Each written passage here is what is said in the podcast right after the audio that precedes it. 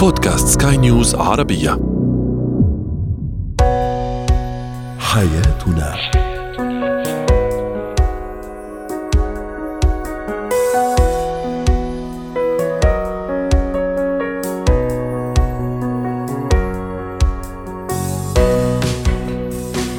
مستمعينا الكرام أهلا بكم. معنا إلى حياتنا فضاؤكم اليومي الذي يعنى بشؤون الأسرة وباقي الشؤون الحياتية الأخرى والذي يمكنكم الاستماع إليه عبر منصة سكاي نيوز عربيه dot com slash podcast وباقي منصات سكاي نيوز العربية الأخرى. شاركونا عبر رقم الواتساب 00971 561 886223 معي أنا أمان شابه اليوم نتحدث عن الشريك سريع الغضب والانفعال كيف نتعامل معه؟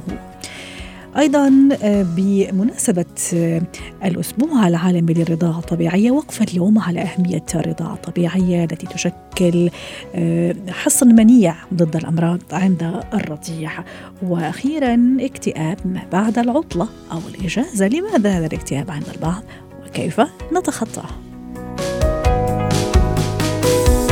هو وهي. الشريك سريع الغضب والانفعال. أكيد ينعكس الأمر بشكل كبير على الطرف الآخر باعتبارهما شريكان في الحياة الزوجية. تؤثر على الطرف الآخر هذه العصبية والغضب والانفعال السريع تأثير سلبي ما لم يستطع هذا الطرف الآخر الثاني. وضع حدا للغضب حفاظا اولا على سلامته النفسية ولمساعدة هذا الشريك. سريع الغضب والانفعال على التحكم في غضبه. رحبوا معي بدكتورة نهاية الرماوي. الاستشارية النفسية والأسرية. ضيفتنا العزيزة من عمان. يسعد أوقاتك يا دكتورة نهاية. أهلا وسهلا فيك. أكيد الشخص أو الشريك سريع الغضب. التعامل معه في كثير من الحذر. وأحيانا القلق لأني شو ما عملت شو ما قلت أخاف من ردة فعله أو من من ردة فعلها لأنه ردود فعلهم غير محسوبة أليس كذلك؟ نعم طبعا. مساء الخير أنا سهلة مساء الخير للسادة المستمعين. والموضوع يعني اللي إحنا بنحكي فيه حاليا هو بيلامس تقريبا أغلب الأسر الموجودة في عالمنا العربي وفي العالم لكن خصوصية أحيانا التفكير اللي بتكون عندنا كأشخاص ممكن تأثر على العلاقة بين الزوج والزوجة بحدوث الغضب بشكل مستمر.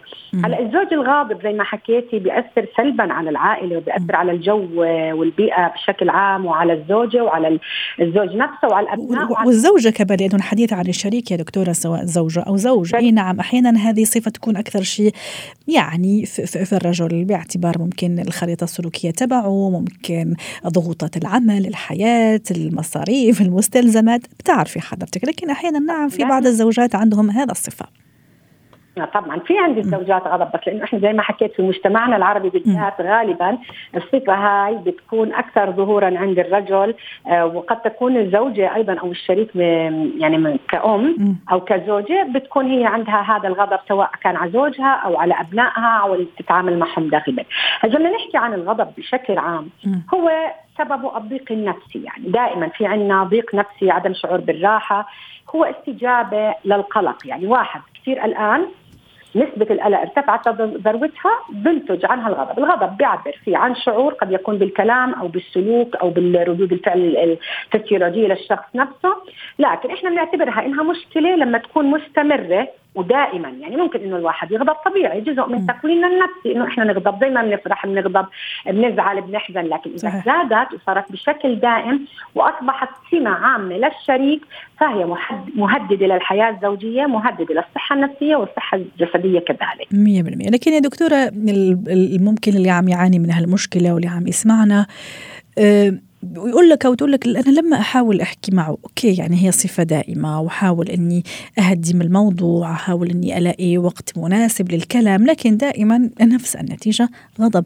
انفعال ممكن حتى آه، ممكن حتى نكسر لا سمح الله ممكن حتى نكسر أغراض ممكن آه، يعني نعمل مشكل ممكن حتى نروح لصمت عقابي آه، وما إلى ذلك. كيف أخلي أو أساعد هذا الشريك؟ أول شيء كيف أنا أفهم أفهم ليش عم يعمل هيك ثم أساعد نفسي أولا لأن أستوعب الحالة ثم أساعد أيضا الشريك على أنه يهدي من روعه ويتحكم في انفعالاته.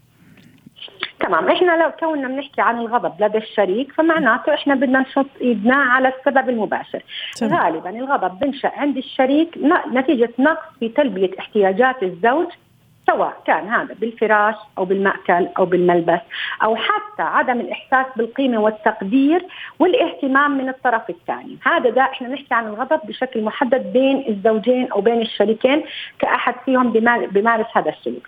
فأول شيء بدنا نشوف شو السبب اللي بيخلي هذا الزوج معصب، فإذا كان نقص في احتياج نتيجة تقصير الطرف الثاني معناته أنا بدي أشتغل على حالي حتى ما اشعره بهذا الاحتياج ونقص هذا الاحتياج. لكن إذا كان خاصة في البعض كمان ما يعرف يعبر عن هذا الاحتياج دكتورة النهايه ما عنده لغة الحوار مثلا إنه يحط إيده على على المشكل ويقول مثلا أنا هذا احتياجي أو هذا النقص اللي أنا أعاني منه وبالتالي أنا عم أدخل في نوبات الغضب والانفعال.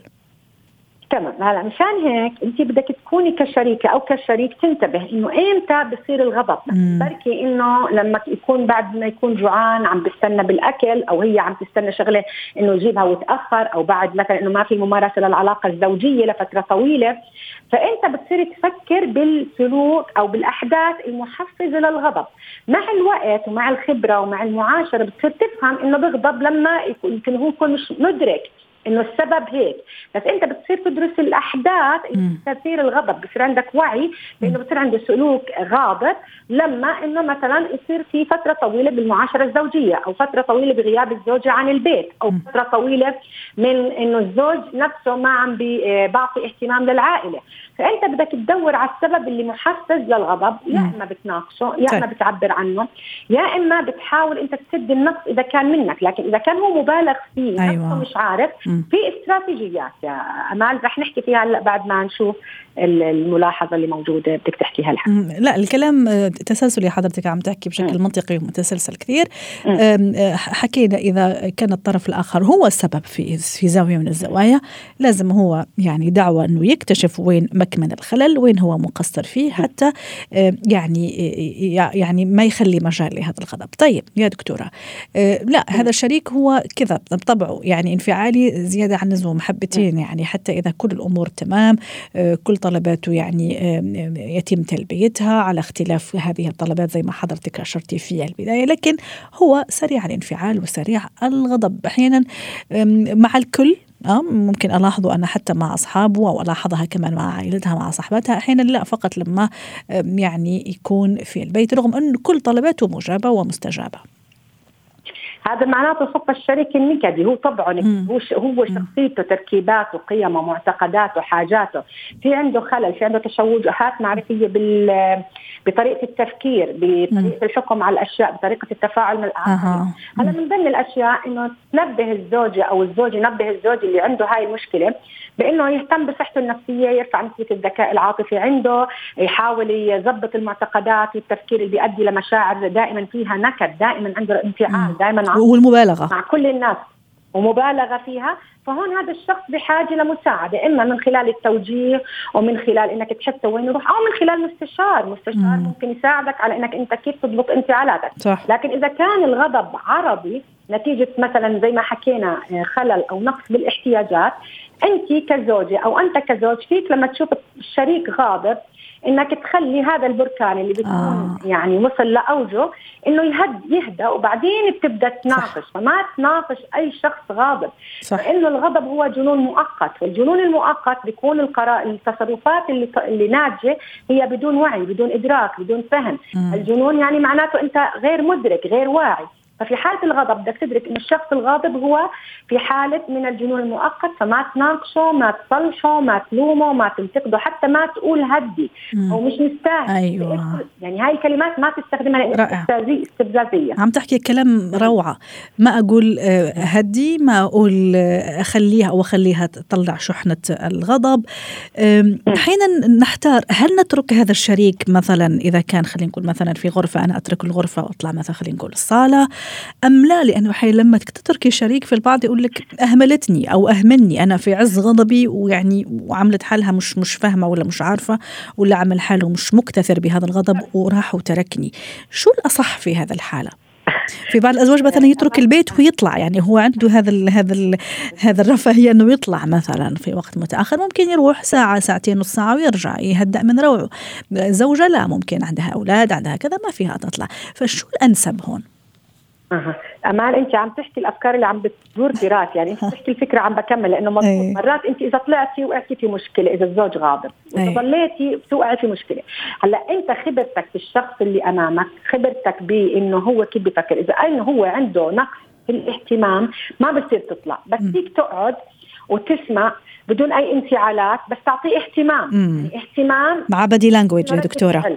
آه body language كثير مهمة بهذا الدور، إذا حسيت إنه هو ما بيسيطر وممكن يصير ضرب أو رمي أشياء حواليه أو تكسير ومش الفكرة إنه أنا إذا طلعت اهتمام أو نقص بالاهتمام أو ما اهتم فيه بسحب حالي وبطلع من المكان لعند ما يهدى، بس لما. يهدى زي ما حكينا بدعوه للغة حوار ممكن ما وما تاخذ الأمور بصفة شخصية اهانه مم. هو نفسه زي ما حكينا غير مدرك. واضح. بدك تتعامل معه بطريقة إنه تعال نناقش إنه بالآخر أنتم زوجين شركاء مش أعداء. صح. ما بدنا نثبت مين كان غلطان بس حتى ما يتكرر السلوك بطريقة ثانية وما تنمي هذا السلوك عنده بدك تصير ليش عملت هيك؟ إيه، كيف لو تصرفت بطريقة مختلفة تدير الحوار أو النقاش بطريقة إنه تطلعوا بأحسن النتائج بصير عنده هاي المهارة اللي. بيطبقها بين فتره وفترة إذا حدثت حالة الغضب أو نبت الغضب. أشكرك دكتورة ريما نهاية رماوية الاستشارية النفسية والأسرية ضيفة عزيزة من عمان رائعة ومبدعة دائما يعطيك ألف عافية. زينة الحياة. اليوم بمناسبة الأسبوع العالمي للرضاعة الطبيعية أو أهمية الرضاعة الطبيعية والتوعية بها نتحدث عن هذا هذه الأهمية. طبعا منظمة اليونيسف توصي وأوصت دائما باعتماد الرضاعة الطبيعية خلال الستة أشهر الأولى الرضاعة الحصرية خلال هذه الفترة من عمر الطفل. تليها الرضاعة الطبيعية المستمرة مع الأغذية التكميلية المناسبة حتى بلوغ الطفل عامين أو أكثر بوصفها خط دفاع قوي وخط دفاع أول ضد جميع أشكال سوء التغذية في مرحلة الطفولة بما في ذلك الهزال السمنة وبالإضافة للأمراض المعدية الأخرى. أنا حكيت شوية كثير على الأهمية. معليش رح تنضم لنا دكتورة فاطمة سعد استشارية طب الأطفال. يسعد أوقاتك يا دكتورة أهلا وسهلا فيك. أكيد حضرتك من أهل الاختصاص واليوم حابين نستفيد من خبرتك ونؤكد دائما في كل مرة على أهمية الرضاعة الطبيعية. أول شيء بالنسبة للأم ثم بالنسبة للرضيع. خلينا نبتدي بالأم. شو أهمية الرضاعة الطبيعية بالنسبة لها؟ مزبوط. أنا كنت حابة أزيد إنه كمان الأكاديمية الأمريكية لطب الأطفال تنصح بالرضاعة الطبيعية التامة لأول ست شهور للطفل. الرضاعة الطبيعية أكيد مفيدة للطفل وللأم. آه فينا نبلش من للأم من خلال آه ارتباط مع الطفل. كثير مهم ال skin to skin contact لحتى الام emotionally تكون مرتاحة. آه وحتى ت connect أكثر مع ال baby. آه كمان الرضاعة الطبيعية للأم في لها protective factor آه للأم من, من خلال إنه بتخفف آه في, في احتمال تخفف ال risk of cancer من هال cancer هو ال breast cancer سرطان الثدي يعني سرطان الثدي وال ovarian cancer كمان تشود إنه معقوله تخفف ال blood pressure عندنا كمان less risk لل cardiovascular disease أو أمراض القلب والشرايين. وكمان عند الولادة لما أول ما يبلش يرضع على الطفل بهذا الموضوع بخفف نسبة ال bleeding عند الأم. So she will heal faster uh, لما نبلش الرضاعة الطبيعية as soon as possible. رائع.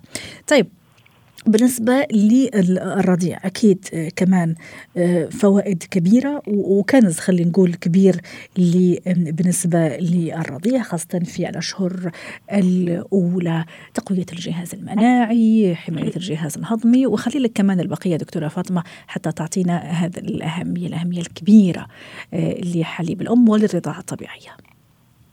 مظبوط. so الرضاعة الطبيعية هي الغذاء الكامل للطفل ال composition للحليب الأم هو ال ideal هو المثالي لصحة الطفل. ما بيعود الطفل بحاجة لأي مي أو أي مكمل غذائي بس الحليب الأم هو enough أول شيء بيكون عندنا الكوليسترول اللي هو بيكون بقلبه كثير مضادات حيوية آآ آآ ونسبة ال fat والبروتين فيه وحتى السكر هو ideal هلا آه ومن بعد بصير الحليب بيتغير ال composition تبعيته لحتى آه يكون أحسن للطفل. آه الفوائد في عندنا فوائد على على كثير أصعدة منها العاطفة للطفل مثل ما حكيت ال skin to skin very important حتى الطفل يكون قريب من الأم يسمع دقات قلبها ويحس بالدفا تبعيتها وصوتها من خلال تهدئته أيضا دكتورة فاطمة النوم الجيد النوم يعني كذا براحة لما يشعر انه إنه عم حتى بنشوف إنه بيكون الطفل عنده مغص أقل يعني less colicky بيبكي أقل. ال soothing آه هو آه عنده analgesic effect يعني بخفف الألم عند الطفل إذا بيرضع من آه آه رضاعة طبيعية من الأم. neurodevelopmentally حتى كثير مهم. آه أبحاث فرجتنا إنه بيكون عندهم higher IQ level يعني عندهم نمو الذكاء أعلى. compared للأطفال اللي ما أخذت الرضاعة الطبيعية. ال nutrition level اللي حكيت عنه already الأطفال اللي بترضع رضاعه طبيعيه تامه عندها أقل risk إنه يكون عندها التهابات لأنه بالحليب الام بتكون الطفل عم ياخذ مضادات حيوية أيوه. وحتى عنده كمان probiotics وحتى الحماية من الأمراض المناعية كمان كامراض الحساسية مثلا أمراض الربو. ال Crohn's disease أو inflammatory bowel disease امراض الحساسيه مثل الاكزيما ear infections pneumonia أو التهابات الرئه المجاري الهوائية تقليل كمان من نسبة السكري عند الطفل الإصابة بالأمراض القلبية. دكتورة فاطمة يمكن حضرتك بحكم تخصصك استشارية بالأطفال أكيد علاقتك كثير وطيدة مع الأمهات لأنه بيروحوا بيجوا عندك أكيد. بتحسي حضرتك مثلا خاصة في السنوات الأخيرة في, في وعي بهالموضوع لأنه جت فترة كذا أمهات حديثات العهد بالأمومة خاصة صغيرة السن تقول لك لا يعني شو بدينا بالرضاعة طبيعية؟ راح أتعب ومدري إيش وغلبة وراح انوجع عرفتي كيف؟ يعني بتحسي إنه لا في وعي ما فيش وعي. كيف كيف الموضوع؟ وكيف تحسي كمان دورك أنت كمان كدكتورة متخصصة في الأمراض الأطفال؟ هل مثلا كمان توعي بهالموضوع. المنابر الإعلامية مثلا نحن كإعلام بتحسي كمان في دور كبير لا بيوعي ويخلي الناس ترجع لهالموضوع؟ ديفنتلي عندنا دور كثير مهم نحن إنه على طول نوعي. على الفوائد الرضاعة. ومثل هلا عم نعمل نحن. آه في كثير آه شغلتين مهمة. أول شيء آه ال breastfeeding is not ما قد straightforward يعني آه مهم إنه الأم يكون عندها expectations آه أو إنه تتوقع توقعات ان يكون في احتمال يكون صعب وفي ما يك... احتمال ما يكون بديهي فلازم تكون هي محضرة للموضوع. أيوه. صح. فما تتضايق إنه إذا ما زبط أو ما مشي الحال إذا سمعت حدا ثاني إنه going سموثلي أو كثير سهله القصة ما يعني ان هي عم تعمل شيء غلط. هذا الشيء كثير بحاول إنه أفسر من الامهات إنه sometimes it's difficult sometimes في في أحيانا بيكون صعب الموضوع. الطفل بيكون بده يتعود how to latch well يعني كيف. يقدر يشرب الحليب بطريقة منيحة وحتى الأم كمان. آه فهي الناحية كثير مهم إنه اذا إذا الأم عم تواجه صعوبات إنه تسأل أهمية الحليب واضحة وكلنا بنعرفها. بس uh, بس ال breastfeeding as a process uh, it can be difficult. So مهم إنه الأم لما تكون عم uh, عم تواجه هالصعوبات إنه تسأل صح. أو تطلب المساعدة. من lactation consultant هلأ عم يصير عندنا كثير بدبي رائع.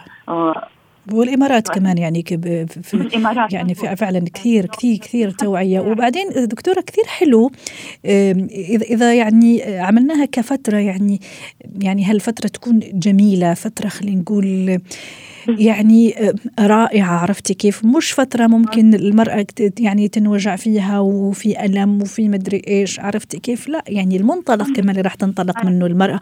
وخاصة كمان أنا لما عملت سيرش صراحة في الموضوع أنه تقليل من الاضطرابات النفسية يا دكتورة يعني الرضاعة طبيعة تساعد الأم على أنه تقليل من حالة الاكتئاب التوتر اللي تمر بها بعد مرحلة الحمل اللي أحيانا إحنا نفكر عكس فقدان الوزن كمان دكتورة أنا تفاجأت أنه تساعد الرضاعة الطبيعية على التقليل من الوزن السائد اللي اكتسبته المرأة أثناء فترة الحمل لأنه الرضاعة الطبيعية تساعد على زيادة معدلات حرق الدهون والسعرات الحرارية. شوفي قديش هذا الكنز وقديش هذا الفائدة.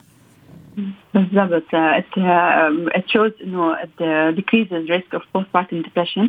مثل ما حضرتك حكيتي وحتى it increases positive mood عند الأم بتحس حالها مرتاحة أكثر آه فكثير مهم إنه إنه نشجع الأمهات إنه يعملوا هذا الشيء.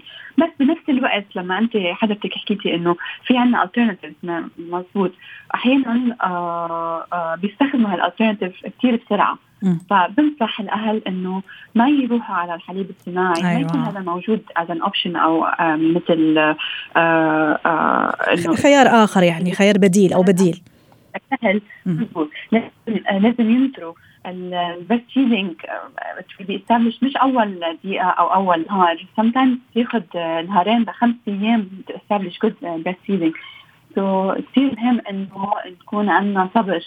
ونكون عندنا التوقعات آه، شوي قريبة لل لل الوقت آه ونعرف قد إيه أهميته على البيبي ولا للام صح. فمشان هيك آه انه إنه نضلنا عليه انه ننصح إنه آه نكمل على ذلك وعلى فكرة وانت عم تحكي يعني في, في, في البعض كمان بعض الأمهات زي ما تفضلتي ما عندهم هذاك الصبر آه على الولد يمكن كمان ما بتعرف الطريقة الصح لهذا العملية. آه ممكن إنه هي خلص يعني من الآخر يعني ما بدها تكمل في هذه المرحلة لغاية العمر السنتين ممكن تلجأ كمان لبعض الطرق الطرق حتى الولد هو يكره عملية الرضاعة الطبيعية عرفتي كيف؟ ممكن تحط آه، خلي خلينا نقول مثلا أشياء كذا ما يستصيغها الطفل كطعم مثلا. آه، فهذه أتصور كمان من الأشياء المش كويسة يعني حتى تأذي الرضيع وتأذي الطفل في النهاية يعني هي مرحلة لازم تقطع ومرحلة جميلة إذا عشناها خلينا نقول بمغزاها أول بسموها آه، بمغزاها السامي كعلاقة روحية بين الطفل والأم وبعدين بفوائدها اللي عم نحكي عليها يا دكتورة. مظبوط. وكمان إذا الام مثلا لسي إنه هي ما حابة تعمل رضاعة طبيعيه لسي عندها معقول تكون مشغولة معقول يكون عندها آه، آه، شيء بحياتها going on آه، فيها تعمل ضخ على طول أنا بقول إنه الحليب ك composition is very important على طول الحليب الصناعي بيحاول يوصل لل composition تبع حليب الام وما بنقدر. يعني على طول ال optimal nutrition هو ال best milk so in case الام ما قادرة ترضع الرضاعة الطبيعية اللي skin to skin على طول موجود ال option إنه نضخ الحليب So this is very important. Another point هي إنه آه إذا كان عندنا مشاكل بال breastfeeding مهم إنه to seek help مش بس للام حتى هي ترتاح حتى الطفل نشوف إذا عندنا مشكلة بال sucking for example أحيانا بيكون عندنا ال tongue-tie آه الطفل بيكون ما قادر يعمل latching appropriately. So مهم إنه نشوف ال surrounding آه، شو عم بيصير around ال breast حتى نقدر نساعدها للأم. وهي ما هي تكون مرتاحة وال baby تكون مرتاحه أيوه. انت عم تذكري كمان نقطة كثير مهمة على على على سيرة أكون مرتاحة والأم تكون مرتاحة. إلى أي درجة يا دكتورة فاطمة لأن نحكي شوي الآن عامل شوي نفسي لكن كثير مهم آه لما المرأة تجي في هذا اللحظات الأكثر من من رائعة وجميلة والعلاقة الروحية هذه بينها وبين البيبي لأي درجة تكون لازم تكون مرتاحة آه بالها رايق ما تصدر له مع مع مع الحليب إذا بدك مشاعر الغضب، مشاعر الانفعال، مشاعر التوتر، مشاعر إنه هي ما إلها خلق، ما إلها جلادة، إنه تعطيه هذا الحليب.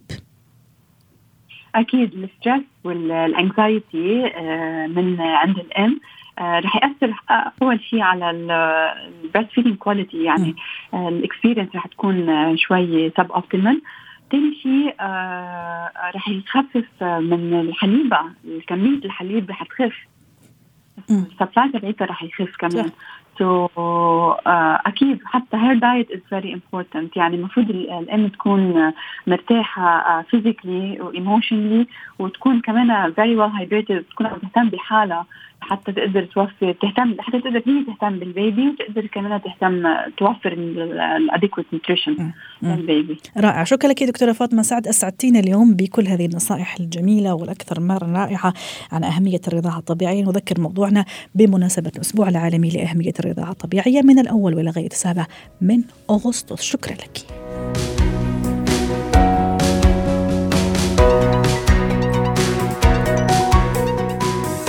تم حلقة يوم من حياتنا. شكرا لكم والى اللقاء.